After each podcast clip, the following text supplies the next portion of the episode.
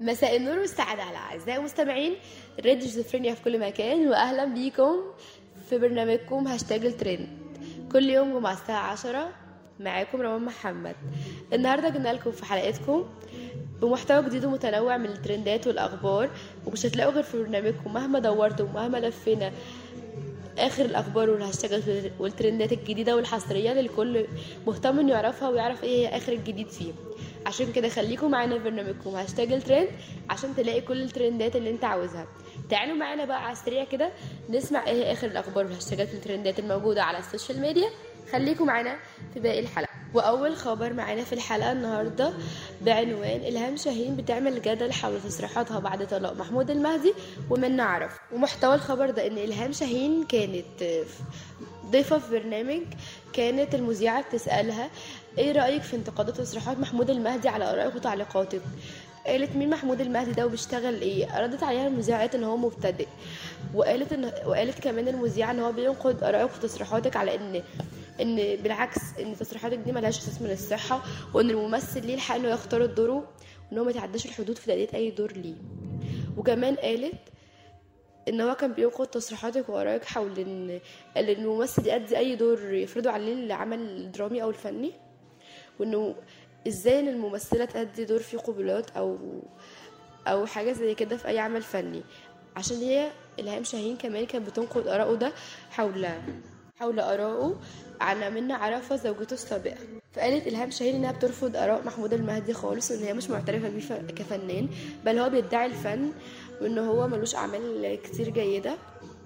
وكمان بعد كل التصريحات والتعليقات والانقادات دي ردت منى عرفة كمان أيضا على على آراء إلهام شاهين وقالت إن دي آرائها الشخصية المؤمنة بيها وكل واحد فينا ليه الحق إن هو يدلي بآرائه الشخصية اللي هو مقتنع بيها. وقالت لكن أنا كمان ليا الحق إن أنا أختار الدور اللي أنا عايزاه واي أي عمل أأديه.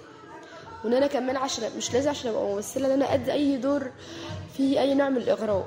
كمان قالت منى عرفة إن ليها الحق إن هي تعمل أي عمل درامي هي موافقة عليه. مش شرط إن هو يكون زي آراء الهام شاهين إن يسمح لها الدور في القبلات والكلام ده دي حرية شخصية كل واحد فينا ليه رأيه والحق إن هو يعمل أي عمل هو عاوزه. كمان بعد التصريحات دي كتب محمود المهدي على ستوريهاته على جميع حساباته على مواقع السوشيال ميديا وقال إن لازم يتم اخذ الإجراءات القانونية من الشخص اللي هو المفروض قدوة بالفن بعد ما يدلي التصريحات دي. وقال بس وقال كمان بس ما فيش أي حد فوق القانون. بس ما فيش حد يقف معايا ضد ده عشان في مصالح وكده. بس الحمد لله وكمان قال إن هو بس الحمد لله. الأهم من كل ده إن ربنا معايا وعمري ما هسكت. لما أشوف أي حاجة غلط أو أي حاجة بتحصل من حد وأنا ليا الحق إن أنا أدلي بآرائي عن إن إذا كان ده غلط أو صح. كمان هنستنى إلهام شاهين في ظهور خاص بزي داعش. شخصية م... هي فعلا بتقول إن هي شخصية مرهقه ولكن دايما اتعودنا على إلهام شاهين إن هي تعمل جدل وضجة حول شخصياتها وآرائها وتعليقاتها وكومنتاتها. وهنستناها في رمضان وتاني خبر معانا النهارده في الحلقة بعنوان أنغام زواج حسين فهمي في سن الواحد وثمانين. الخبر ده بيتصدر الترندات والأخبار على مواقع السوشيال ميديا عالميا وبيصدر محركات البحث كلها. عشان كل مهتم يعرف إذا كان حقيقة الخبر إذا كان شائع أو لأ. محتوى الخبر ده إن الكل بيبحث عنه على موقع السوشيال ميديا على مو... على مدار الساعات الماضية وعن حقيقة جواز حسين فهمي من الفنانه أنغام.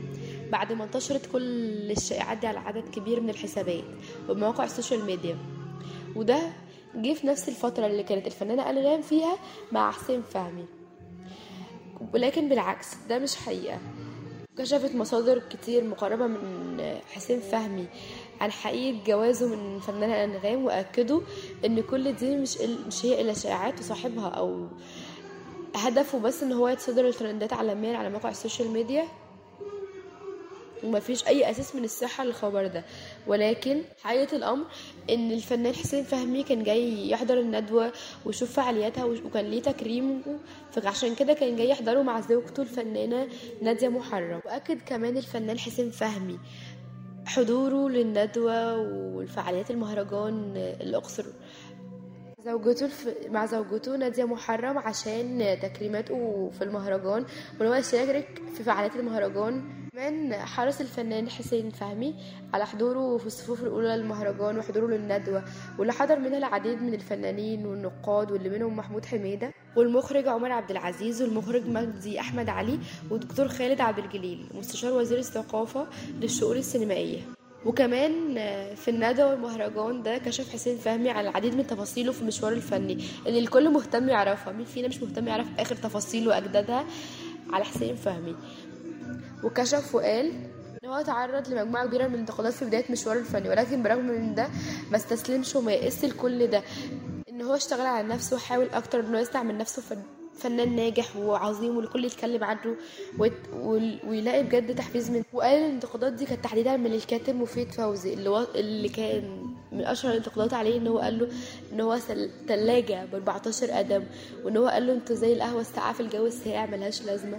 ولكن برغم كل الانتقادات دي والتصريحات دي والآراء دي اتحدى نفسه وصنع من نفسه فنان عظيم وناجح. الكل دلوقتي بيتكلم عن نجاحاته وأهم أعماله وفن وأهم أعماله الفنية والدرامية.